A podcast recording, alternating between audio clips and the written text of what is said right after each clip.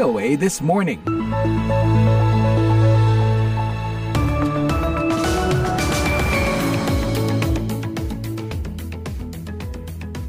Selamat pagi, welcome to VOA This Morning yang kami siarkan live dari Studio 17 VOA di Washington DC bersama saya Rifan Astono, produser Bani Rahayu dan teknisi Jimmy Cook.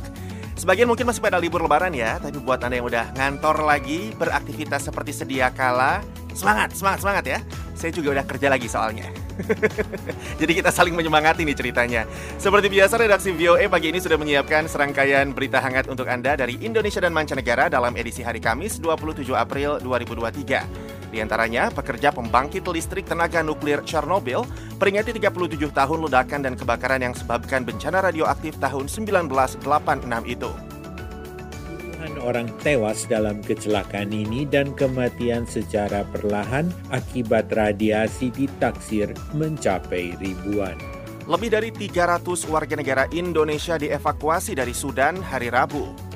Di dalam evakuasi tahap kedua ini terdapat 328 WNI yang terdiri dari perempuan 29 orang, anak-anak 5 orang dan laki-laki 294 orang. Jangan lupa siaran ini juga dapat Anda simak secara live streaming di situs kami www.voaindonesia.com atau dengarkan kapan saja lewat podcast VOA This Morning di platform podcast langganan Anda. Sekarang kita simak dulu berita dunia pagi ini.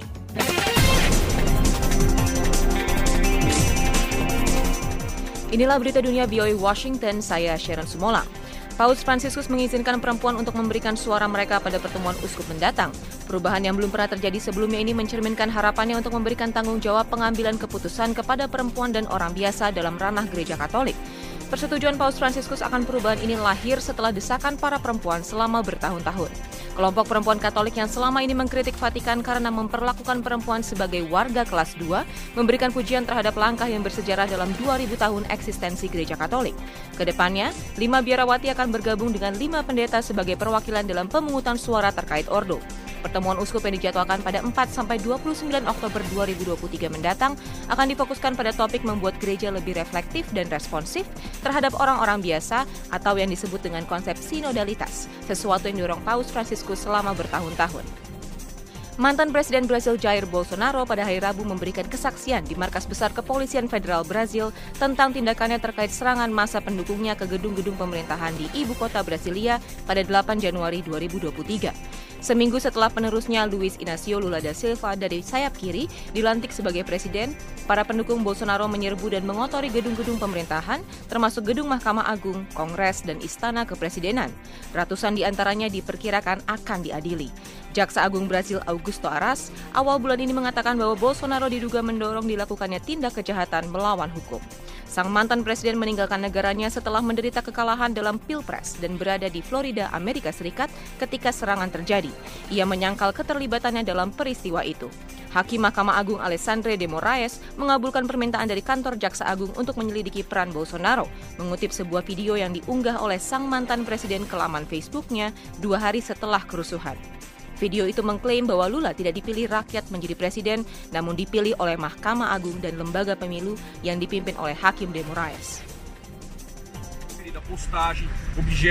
do depoimento de hoje acontece poucas horas, poucos momentos após setelah Bolsonaro menyampaikan kesaksian, mantan Menteri Komunikasi era Bolsonaro Fabio Weingarten mengatakan bahwa Bolsonaro tengah berada dalam pengaruh obat ketika ia mengunggah video tersebut dan langsung menghapusnya setelah ia diingatkan. The Voice of America, VOA. Pada Rabu, Singapura mengeksekusi mati Tangaraju Supiah yang dituduh ikut bersekongkol dalam perdagangan ganja. Tangaraju difonis hukuman mati pada 2018 silam karena membantu perdagangan 1 kg ganja. Di bawah hukum Singapura, perdagangan yang melibatkan lebih dari 500 gram ganja terancam hukuman mati. Tangaraju sendiri tidak tertangkap bersama ganja itu. Namun jaksa menyebut pelacakan nomor telepon menemukan Tangaraju sebagai orang yang bertanggung jawab dalam mengkoordinasikan pengiripan ganja itu. Tangaraju telah menyatakan bahwa dirinya bukanlah orang yang berkomunikasi dengan orang lain terkait kasus ini. NC Death Penalty Asia Network mengutuk hukuman atas Tangaraju. Pemberlakuan hukuman mati secara terus-menerus oleh pemerintah Singapura adalah tindakan yang amat mengabaikan norma-norma HAM internasional dan melecehkan legitimasi sistem peradilan pidana Singapura, demikian pernyataan mereka. Pemerintahan Biden sedang menyusun strategi untuk mengantisipasi kemungkinan kedatangan puluhan ribu migran di perbatasan AS Meksiko setelah berakhirnya pembatasan COVID-19 pada bulan depan. Pemerintahan Biden diperkirakan akan mengumumkan sebuah paket aturan baru yang meliputi percepatan pemrosesan sejumlah kecil penduduk Amerika Latin yang kini diterima melalui program pemukiman pengungsi oleh AS. Demikian dikatakan oleh tiga orang yang akrab dengan permasalahan ini kepada Reuters. Pada saat yang sama, pihak AS tengah memperluas kapasitas tempat penampungan migran di perbatasan sambil melakukan pengujian pemeriksaan suaka yang lebih cepat. Satu opsi yang belum dilaporkan dan sedang dalam pembahasan adalah pemrosesan migran di Fort Bliss, pangkalan militer dekat El Paso, Texas, kata dua pejabat Amerika Serikat yang mengetahui masalah itu kepada Reuters. Yevgeny Prigozhin, kepala kelompok paramiliter yang didukung pemerintah Rusia, telah menawarkan persenjataan kepada salah satu pihak yang berperang di Sudan. Demikian berita dunia VOA Washington.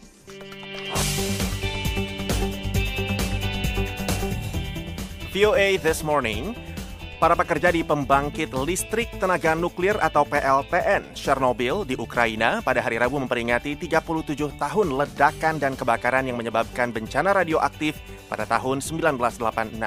Berikut laporan selengkapnya.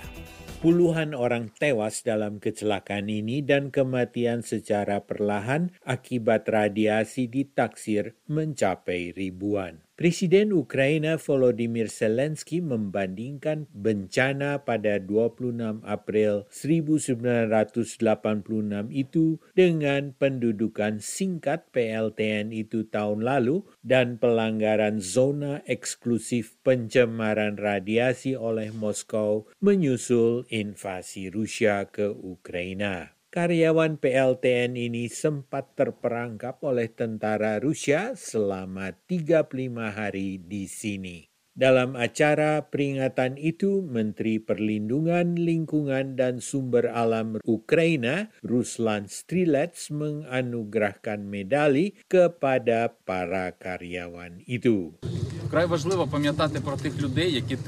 Sangat penting untuk mengenang orang-orang yang berada di bawah pendudukan rasisme di teritori ini selama 35 hari pada saat zona eksklusif dilintasi, ketika bendera Ukraina dikibarkan kembali di atas PLTN Chernobyl, itu merupakan hari pertanda Ukraina akan memenangkan perang ini, bahwa bangsa Ukraina semangatnya tidak bisa dipatahkan. Kini PLTN Chernobyl sudah beroperasi kembali dan tingkat radiasi sudah normal, kata Strilets. Pada hari-hari pertama perang Ukraina, militer Rusia menduduki PLTN Chernobyl itu dan mengurung sekitar 150 pegawai. Shift atau jam tugas Mikola Probedin tidak berakhir pada 24 Februari 2022 dan dia terpaksa menghabiskan 25 hari di PLTN ini. Probedin yang sudah bekerja di BLTN itu selama 35 tahun ingat bahwa hari itu diliputi dengan kecemasan. Katanya ketika menuju tempat kerja, saya melihat tank parkir di sini dan moncongnya ditodongkan ke PLTN.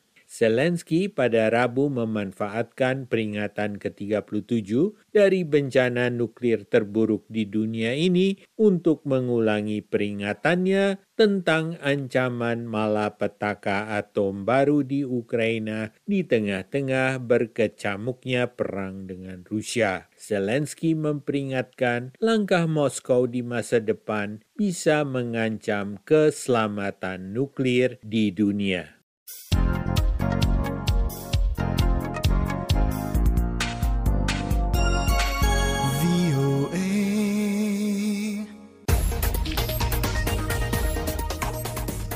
Sela-sela gencatan senjata yang goyah di Sudan, anggota rezim sebelumnya termasuk Presiden Omar al-Bashir yang digulingkan meninggalkan penjara tempat mereka ditahan. Itu menimbulkan pertanyaan tentang keberadaan mereka. Militer Sudan menuduh pasukan dukungan cepat atau RSF menyerang penjara, sementara RSF menuduh militer membebaskan mantan pemimpin itu. Ahmed Harun, seorang pejabat keamanan, mantan Presiden Omar al-Bashir, hari Selasa mengumumkan ia dan mantan pemimpin lainnya dibebaskan dari penjara Kober di Khartoum. Harun mengatakan kepada media pemerintah Sudan TV, para narapidana dikeluarkan dari penjara hari Minggu karena pihak penjara tidak dapat merawat mereka akibat pertempuran setelah bentrokan di dekat penjara. TV Al-Hadath Arab Saudi menyiarkan ulang komentarnya. Harun mengatakan semua narapidana kekurangan sarana dasar termasuk air, listrik, dan perawatan kesehatan. Ia menambahkan, sebagian napi terluka akibat baku tembak yang berlangsung. Pengumuman itu menimbulkan keprihatinan tentang keberadaan mantan pejabat lainnya, termasuk Bashir yang juga ditahan di penjara itu. Sumber militer yang tidak disebut namanya mengatakan bahwa Bashir, Harun, dan mantan menteri Abdel Rahim Muhammad Hussein dipindahkan ke rumah sakit militer. Bashir, Harun, dan Hussein dicari oleh Pengadilan Kriminal Internasional atas kejahatan di wilayah Darfur, Sudan. Harian Sudan Tribune melaporkan Bashir dan Hussein berada di rumah sakit militer di Omdurman, kota di sebelah Khartoum. Sumber di rumah sakit militer Alia mengatakan Bashir dan Hasan ditahan di sana selama lebih dari tiga bulan. Dalam komentarnya kepada Sudan TV, Harun memberi petunjuk bahwa mereka yang dibebaskan dari penjara hari Minggu tidak berada di bawah pengawasan siapa pun. Ia mengatakan mereka memutuskan menjaga diri mereka sendiri Militer Sudan membantah terlibat dalam pembebasan mereka dari penjara dan menuduh RSF menyamar sebagai militer untuk membebaskan narapidana dan menjarah fasilitas itu. Militer dan RSF menggulingkan Bashir tahun 2019 setelah pemberontakan rakyat yang menentang pemerintahnya selama 30 tahun. Pertikaian itu menyebabkan misi-misi asing mengungsikan para diplomat dan warga negara. Puspita Sariwati, VOA, Washington.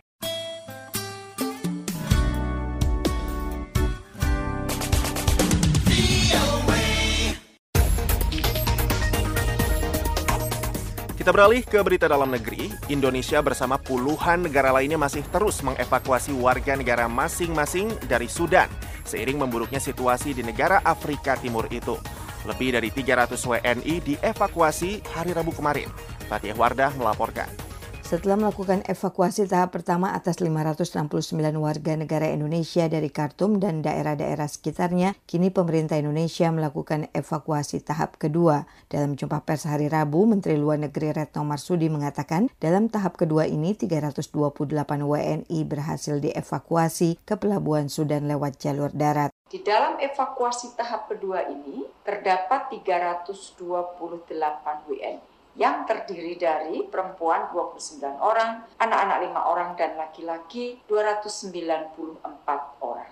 Sebagian besar mereka adalah mahasiswa, terdapat pula PMI dengan keluarganya, dan seorang tenaga profesional airlines. Dalam evakuasi tahap kedua ini ikut serta pula tujuh warga negara asing yaitu enam warga Australia dan satu asal Sudan. Berbeda dengan evakuasi tahap pertama yang dipimpin langsung oleh Duta Besar Indonesia untuk Sudan Sunarko, lanjut Retno di tahap kedua ini, proses evakuasi dipimpin oleh empat staf KBRI Khartoum. Rombongan 328 orang Indonesia tersebut diangkut menggunakan tujuh bus dan menempuh rute yang sama dengan proses evakuasi pertama yaitu dari Khartoum melewati kota Atbara dan Sawakin sebelum sampai ke pelabuhan Sudan. Satu dari tujuh bus yang digunakan sempat mengalami kecelakaan di kota Atbara. Kecelakaan tunggal ini terjadi karena kondisi jalan rusak berat dan pengemudi mengalami kelelahan, sehingga membuat bus terperosok keluar jalur. Kecelakaan ini menyebabkan tiga WNI mengalami luka-luka.